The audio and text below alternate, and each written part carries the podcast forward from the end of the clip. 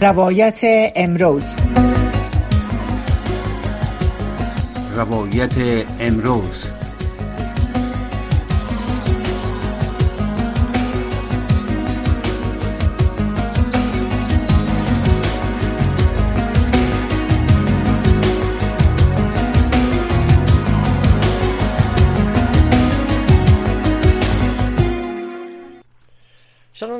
عزیز سلام. شب همه شما بخیر. حفیظ آصفی هستم و خوشحال هستم میزبان شما هستم در برنامه روایت امروز. مهاجرت به انگلیسی امیگریشن با معنای جابجا شدن مردم از مکان با مکان دیگه برای کار زندگی. است مردم معمولا به دلیل دور شدن از شرایط یا عوامل نامساعد دور کننده مثل فقر بیماری مسائل سیاسی کمبود غذا از یک جای به جای دیگه مهاجرت می‌کنن در پلوی مهاجرت کلمه دیگه پناهجو یا کسی که متقاضی پناهندگی است. یا کسی گفته میشه که کشور اصلی خود بنابر عوامل مختلف ترک می‌کنه و از کشور دیگه با استفاده از حق برخورداری از حقوق بین المللی تقاضای پناهندگی کنه.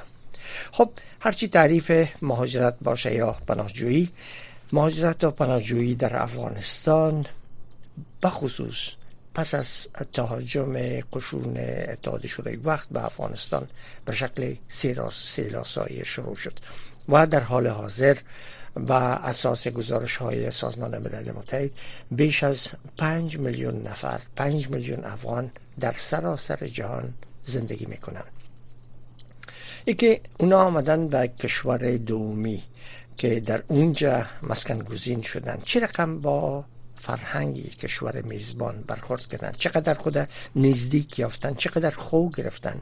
موضوع بحث ما در برنامه روایت امروز است که این مسئله را با مهمان محترم برنامه جناب آقای نقیب آروین روزنامه‌نگار و نویسنده در میان می‌گذاریم که اونا هم از مدت به طرف از در ایالات متحده زندگی می‌کنن.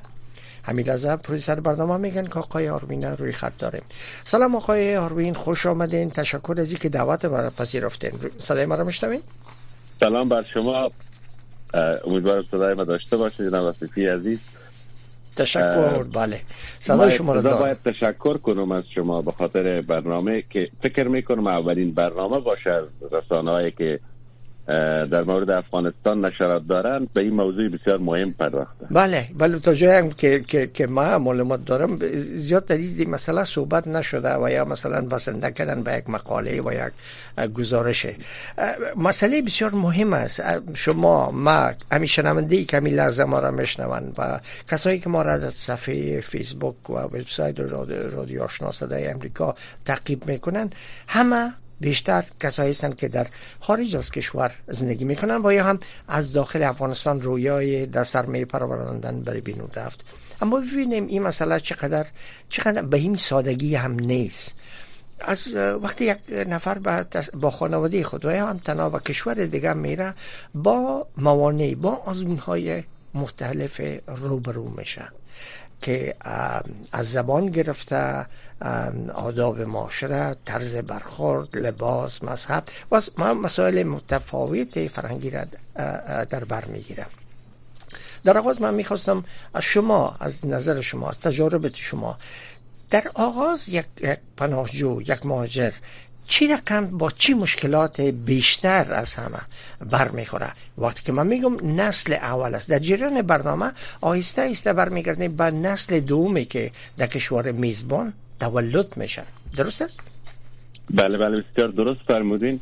و اتفاقا مشکل و چالش اصلی هم که با جامعه نو داره نسل اول مهاجر داره. کاملا کاملا. به دلیل اینکه مخصوصا ما از جامعه میایم از افغانستان اول پدیده مهاجرت پدیده تنها مختص به ما نیست حتی مختص به جنگ نیست.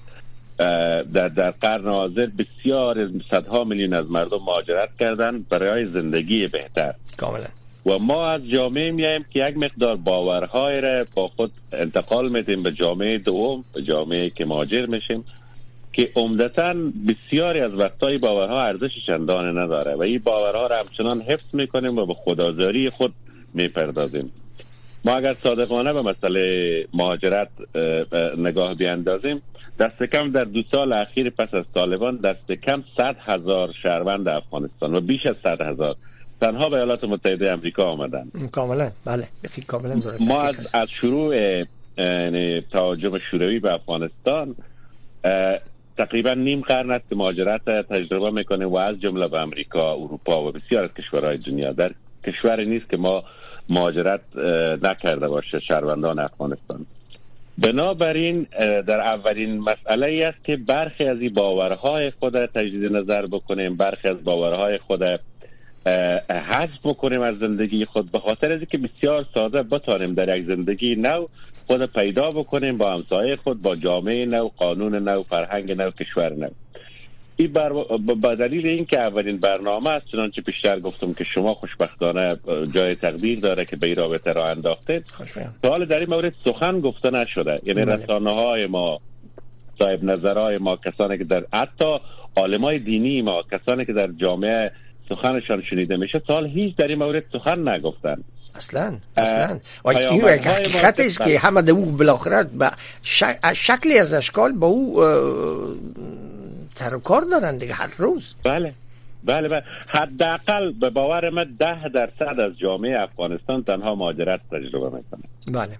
شما جامعه که در درون ایالات متحده آمریکا در ایالات و شهرهای مختلف است ببینید در طول 50 سال چند صد هزار نفر اینجا آمده. خب مشکلات برخ مشکلات مهاجرت عمومی است برای کل مهاجرین وجود داره. این که از یک جای دور میشن یک رابطه عاطفی با او سرزمین دارن. ولی چیزی که مهم است ای که در این زندگی نو چطور می‌تونن خود پیدا بکنن چطور آره. می‌تونن خود تعریف بکنن چطور می‌تونن با حفظ ارزش های دینی و ملی که دارن و ارزشمند هست و در عین حال حذف بعض برخی باورهایی که هیچ ارزش نداره بتونن خود ساده در این زندگی پیدا بکنن جایگاه یک شهروند قانونی را بگیرن به فرهنگی مردم احترام بگذارن و این باورهای غلطه که میگم هر کدام تفسیره داره و لیست زیادی است به طور مثال یک باور غلطه که در, در ذهن برخی از ما در جامعه افغانستان تزریق شده یا, یا, یا, یا فهمیدیم این که فرهنگ ما بهترین فرهنگ دنیا یا فرهنگ جوامع غربی اینی و اشکالات داره. اول این این تعریف فرهنگ فرهنگ است. در هر جامعه ارزش خود داره. فرهنگ ها با هم متفاوت هست و هیچ فرهنگ از فرهنگ دیگری برتر یا کمتر نیست. کاملا کاملا درست کاملا. بنابراین اصل مثلا من باور دارم که با پدیده مهاجرت باید صادقانه برخورد شود. مردم افغانستان آمدن مهاجر شدن به دلیل جنگ یا هر چیز هیچ مهاجر افغانستان به کشور به جامعه به شهر بدتر از شهر خود مهاجر نشده. هیچ مهاجر افغانستان هم به زور با قوت کسی نکشیده از قریه و ولسوالی شهر از به کشور دیگه بیاره. بنابراین یک مقدار زیاد مهاجرت اختیاری. به این معنا که ما تازه مهاجر نشدیم. در طول نیم قرن اخیر شرایط بود افغانستان هم برای بسیاری هست برگردن اگر بسیار رابطه عاطفی دارن یا می‌خوان امور رقم زندگی کنن خب می‌تونن این کارو بکنن. ولی این صادقانه اگر برخورد کنیم به دلیل زندگی بهتر که شامل رفاه است شامل درآمد بهتر است شامل جنبای آموزشی بهتر است اینا را استفاده بکنیم در جامعه میزبان. پس بنابراین باید یک مقدار صادقانه با این مسئله برخورد کنیم. ما به این جامعه آمدیم و این خوبی های این جامعه را شامل درسش است شامل مسائل رفاهی و اقتصادی و مادیش هست شامل مسائل اجتماعیش هست استفاده می‌کنیم. و در عین حال چرا در درون یک مقدار ناخوش و ناسازگار با این محیط است. کاملا یک مسئله که من می‌خواستم گپ شما را قطع کنم قطع کنم معذرت می‌خوایم آقای اروین. بعضا یکی از جنجال ها به نظر من میست که نظر شما را می‌خواستم. بعضی هم با باورها و ارزش های به نظر خودشان. چنان خود در انزوا قرار میتن و گرد خود حسار می‌کشن که نمی‌تونن از مزایای کشور میزبان استفاده بکنن و نمی‌تونن که خود معرفی بکنن هویت خود شخصیت خود همی در انزوا بودنشان و به اصطلاح خود انحصار و محصور ساختن در ارزش ها و یک سلسله باورها. و بیشتر شاید خب ما از جامعه بسیار فقیر میاییم فقیر به همه معناها تنها بله. مسائل مالی نه. و بنیادهای ما بسیار ضعیف است. به او خاطر کار یعنی مهاجره که از یک ولسوالی از یک ولایت از یک گوشی از کابل به امریکا یا اروپا میآید. شاید او زیاد ملامت نباشه که نمی‌تونه خود به اصطلاح سازگار بکنه با محیط. از بله. مزایای به قول شما استفاده بکنه.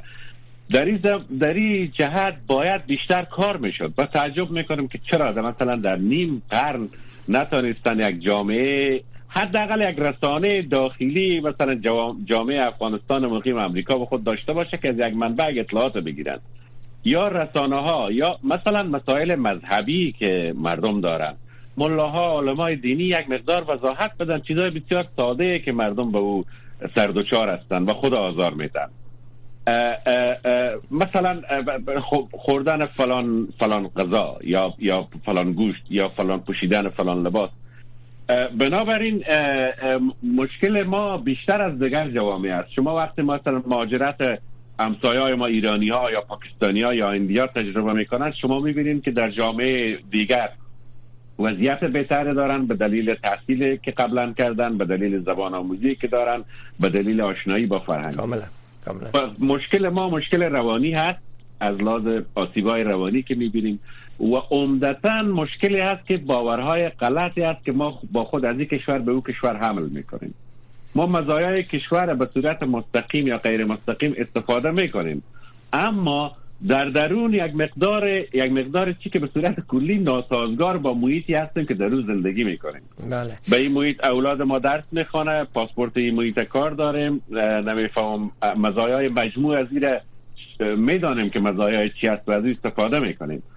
اما به صورت شخصی یک مقدار ناسازگاریم و این ناسازگاری بیشتر برمیگرده به دلایل فقر فرهنگی و, و یک مسئله دیگه هم که من- به نظر شما فکر می‌کنین فرهنگ شهرنشینی بسیار کسا مثلا از نقاط دور افتاده. خب این تنها مربوط افغانستان نیست. مثلا از از سنگال مثلا از از از پاکستان از هند از مناطق دور افتاده که یک دفعی وارد یک شهر بزرگ میشن. اینی هم شاید دلیلش باشه. درست است؟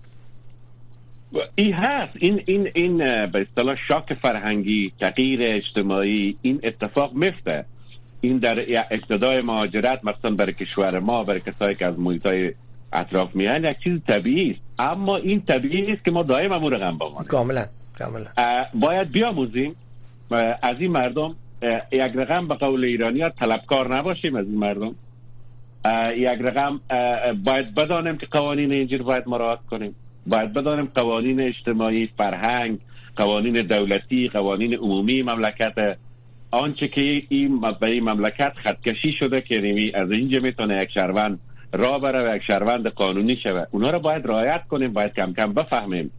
و چیزی که بسیار مهم است که گفتم باورها. این باورها بخشی از این باورهایی است که همیشه یک حسرت بسیار غلوب شده و کلان نسبت به وطن خود و غریه خود و ولسوالی خود یا شهر خود داریم. کاملا. خب این این یک مقدار غلوب هست. یک مقدار طبیعی نیست صادقانه نیست.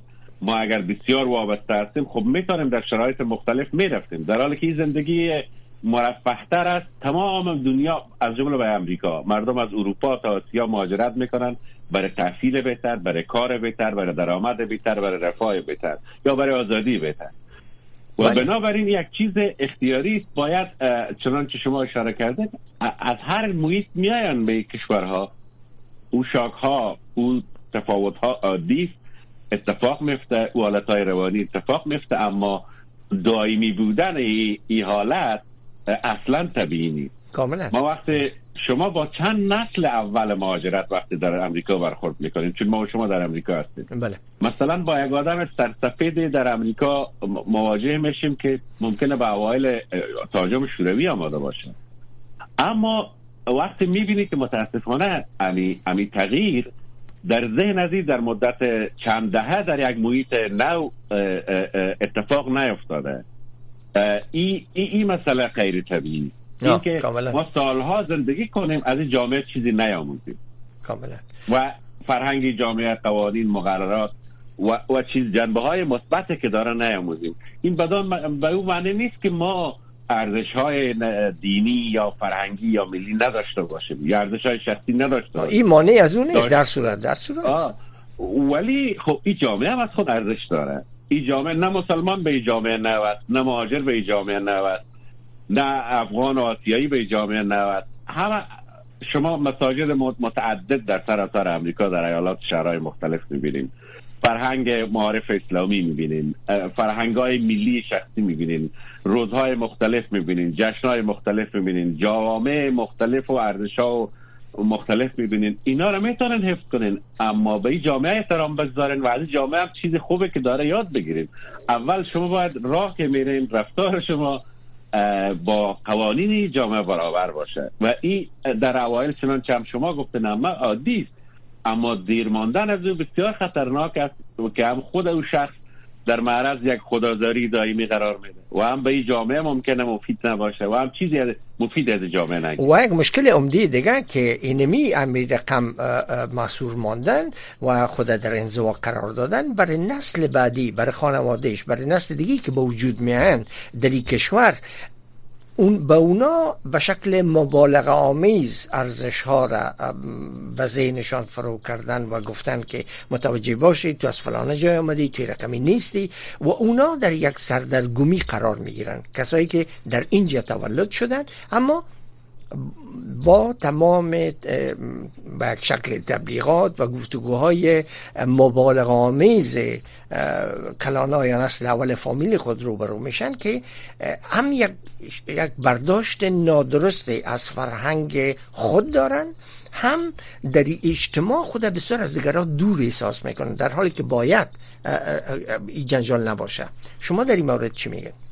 دقیقا درست گفتن یکی از مسائل بسیار مهم انتقال باورهای غلط به یک نسل دیگه به صورت غلط و نیمه و, و, و, و مخرب هست. بله. و باورهایی که انتقال بشه و یک, یک نسل رو می‌تونه سرگردان بکنه. شما به طور مثال نمونه بگیرید. شما کسانی را که در به طور مثال در امریکا زندگی کردن حتی سال پیش مهاجر مهاجر نو نیستن. بله. شما یک تحقیق بکنین آیا غذای غیر از غذای معمول منوی خانه های افغانی در کابل در ولایات در منوی غذایی نه؟ بله. آیا امکان داشته که از قابولی و, و منتو و اینا عبور بکنن؟ آیا شما با کسی را دیدین که نگویه که این بهترین غذای دنیا و مردم نمی‌فهمن که اگر نیره خوش می‌کنن این باورهایی که از این جزئیات شروع میشه. شما فرهنگ غذایی جهان در امی امریکا ببینید کل دنیا غذای خود اینجا آوردن و کل دنیا غذا داره کل دنیا لباس داره کل دنیا رفتار داره فرهنگ داره. از خود امریکا داره. جوامع مختلف آوردن رستوران های مختلف است بنابراین چرا ما قدر ترس داریم که از قابلی به غذای به طور مثال عربی عبور نمی‌کنیم به هیچ واجه به هیچ واجه. و من مدت زیاد است جناب آقای آربین من 42 سال است که از وطن ما ترک کردیم آمدیم. و بسیار همین رقم که شما گفتین من بسیار بسیار کم می‌بینم که در یک خانواده افغان اونا غیر از این غذای معمولی سنتی یک چیز نو یک یک غذای مثلا تایلندی درست بکنن یا فرانسوی یا مثلا مکسیکویی بسیار نادر است واقعا. و, و, و, چون ما از جامعه میایم که بسیار محافظه کار و با فرهنگ خاص هستیم. ولی خب در اون جامعه امیر رقم بودیم باورهای ما امیر رقم بود آل دنیا تغییر کرده همه چیز تغییر کرده از جمله ای که ما تغییر کردیم. حال ما مثلا به کارت چار یا ولسوالی فلان یا ولایت فلان نیستیم. بله. حالا در یک گوشه از ویرجینیا از کالیفرنیا از تگزاس از مریلند هستیم. حال یک جامعه دیگه است اینترنت دارین خود شما اولادای شما تلویزیون دارین هر چیز دارین می‌بینین که جهان تغییر کرده. و بنابراین شما هم باید ببینین که شما در افغانستان ببینین به طور مثال وقتی از جزئیات گپ می‌زنیم به طور مثال رنگ سفید یا کریمی. بله. شما خانه را یاد نمیدین. یا مرد مسن نیمه مسن را در افغانستان یاد نمیدین که جزی دو رنگ پوشیده باشه. این به این معنا است که ما به شدت به خود به خود خود باور هستیم و دیگران را پایین تر می‌بینیم. به شدت آنچه را که خود ما داریم یا فکر می‌کنیم داریم بسیار بالاتر می‌بینیم. در حال که رقم نیست کل جهان کشورهای بزرگتر از ما ملتهای بزرگتر از ما در همسایگی ما هند است. یعنی ببینیم چی تنوعی داره از فرهنگ بله. از زبان همه چیز بیش از صد زبان رسمی هندوستان داره. و ما متاسفانه گفتم وقتی از افغانستان وارد امریکا میشیم یک افغانستان کوچک با تمام تضادها و باورهایی که داریم باورهای گاهن بیارزشی که داریم داخل امریکا میشیم. خب این طبیعی ما از اون جا آمدیم و از یک جای بیایی همون رنگ رو با خود میاریم. اما این که در تو در جامعه نو امیر هم سالها بمانی و هیچ تغییر نکنی نه ذهن تو تغییر کنه نه نه رنگ تو تغییر کنه و هیچ تغییر ناپذیر باشی این غیر طبیعی انسان اصولا تغییر پذیر است. باید ما تغییر پذیری را بفهمیم دنبال کنیم. این شامل جنبه های بسیار خوبی جامعه میشه. مثلا زبان آموزی مثلا کار کردن. کار کردن یا درآمدی که ما به خانواده خود میاریم ای که ما در افغانستان فلان موقعیت داشتیم و اینجا بسیار بد است که من این کارو بکنم. مثلا بله. یا بعد است بعد است بعد است. الاخر اینها نیست. تو وقت یا مثلا من در در امی امریکا در امی تازگی با یک از مؤسسات دیدم که اونا برای اف... فامیلایی که از افغانستان آمدن برای خانمای از اونا کارهای مخصوص را اندازی می‌کنن کار در خانه. این بدان معناست که هنوز ما در امریکا هم او خانم ما دیگه هنوز فکر می‌کنیم که میشه که او بیرون نشه و در به اصطلاح به جامعه بله. بله و این این ما اگر خود با این جامعه سازگا... ساز... نسازیم با این جامعه خود برابر نکنیم این جامعه بسیار نیرومند است. تو در این دستگاه بسیار بزرگ فرهنگ و اجتماعی جامعه به اصطلاح از بین میری له میشید پس پیدا بکن که با حفظ ارزش های خود بتانی یک زندگی آرامتر داشته باشی زندگی انسانی تر داشته باشی ارزش های ارزشمند تو باشه ولی ارزش های که ارزشمند نیستن واقعا تغییر می‌کنن هر باید. انسان تغییر می‌کنه. باید. این بحث بسیار جالب است. آقای آروین باید ایره با شما مهمانه دیگه هم که ما بعدا دعوت خواهد کردم ادامه باید بدیم. چون مسئله بسیار مهم است. فقط هشت دقیقه ختم این برنامه مانده. از اونجا یک مسئله دیگه هم مهم است. خب بازم شما اشاره کردین شاید بر نسل دوم این مسئله اونقدر جنجال نباشه کاملا درست. اما از یک نگاهی که پدرها و مادرها چگونه برخورد می‌کنن با اونا این می‌تونه یک جنجال باشه. مثلا پسر یا دختری که در مکتب درس می‌کنه خب در امریکا رو صحبت می‌کنیم چون همیشه بله. اینجاستیم در ختم سال تحصیلی اونا یک محفل دارن محفل رقص دارن دخترها و پسرها لباس میش پوشن و میرن و بسیار صادقانه در حالی که معلم و مدیر همه حضور دارن لحظات با هم میرقصن خوش, خوش میگذرانن و همی و سال به شکل ختم می‌کنن. حالا اگر فرزند ما که دختر باشه یا پسر باشه او را منع بکنیم از رفتن به اینجا اول در ذهن از این چقدر جنجال خلق می‌کنیم؟ برای هویتش و دیگه ای که در برابر دوستا و, و, و همسنفیاش و یا محاولش چقدر این آدم در انزوا قرار داده میشه. این مسئله چقدر مهم است به نظر شما؟ این یک از تضادهای است که ادامه داره و متاسفانه منجر به این میشه که اون نسل نو دیگه بیخی رابطه خود با نسل اول والدین خود قطع بکنه. و این بسیار اتفاق میفته. در اینجا شرایط شما امکانات اقتصادی هست. نیازی هم نیست. و به اصطلاح زده میشه و, و منزوی میشه و کنار زده میشه. و, و فرار می‌کنن. ما فامیل های زیاد می‌شناسم که بله. دخترها و پسرها فرار کردن بالاخره. و علتش این است که ما توانایی ظرفیت تجربه و دانش را نداریم که در یک جامعه نو با, با نسل دوم چرا برخورد بکنیم. پرس های بسیار واهی که برای خود کلان می‌سازیم داره از اینکه چی میشه آینده اولاد ما در این ملک؟ خب در این ملک این ملک این فرهنگش است و اولاد تو هم انتخاب می‌کنه در این ملک زندگی می‌کنه. اگر نخواهی که این رقم فرهنگ داشته باشی یا طور دیگه زندگی کنی باید اختیار کنی یک جای دیگه رو دیگه بله کاملا بنابراین در اینجا و این تعارض شما خوشبختانه و گفتین که این برنامه رو شروع کردین و دوام میدین. بسیار مباحث گسترده است. شاید ما نتاریم در یک برنامه بله. در این مورد بزنیم. اولین برنامه رو شما آغاز کردین و بسیار جای تحسین داره. باید بیشتر در این موارد گپ زده شود. با جزئیات در هر بخشش صحبت زده شود. این بخش تعارض فکری دو نسل که یکی از افغانستان آمده با یک پشتاره از باورهای خوب و خراب با نسل که در اینجا قط می‌کشه و مکتب میره و پوانتون و دانشگاه میره. این تعارض یکی از تعارضهای بسیار جدی یکی از مشکلات بسیار جدی و های مهم اجتماعی در اینجا است که باید یعنی شاید آمار ارقام در افغانستان در امریکا وجود داشته باشه که چی مقداری آسیب ها جدی بوده به روان یا به جسم کس آسیب زده. یا میزان این تفاوت فرهنگی چقدر منجر به طلاق ها شده یعنی هر بخشی مسئله رو که بگیریم یک دنیای از مشکل داره که این مشکلات حال مردمی که از, از اطراف آمدن یا جای مختلف آمدن قدر ملامت نیستن. باید به اینا به زبان خودشان گفته شوه آموزش های لازم داده شوه. از از منظر دینی از منظر فرهنگی از منظر انسانی از منظر ای که قوانین این جامعه چی است فرهنگ این جامعه چی است شما چی مسئولیت های دارین.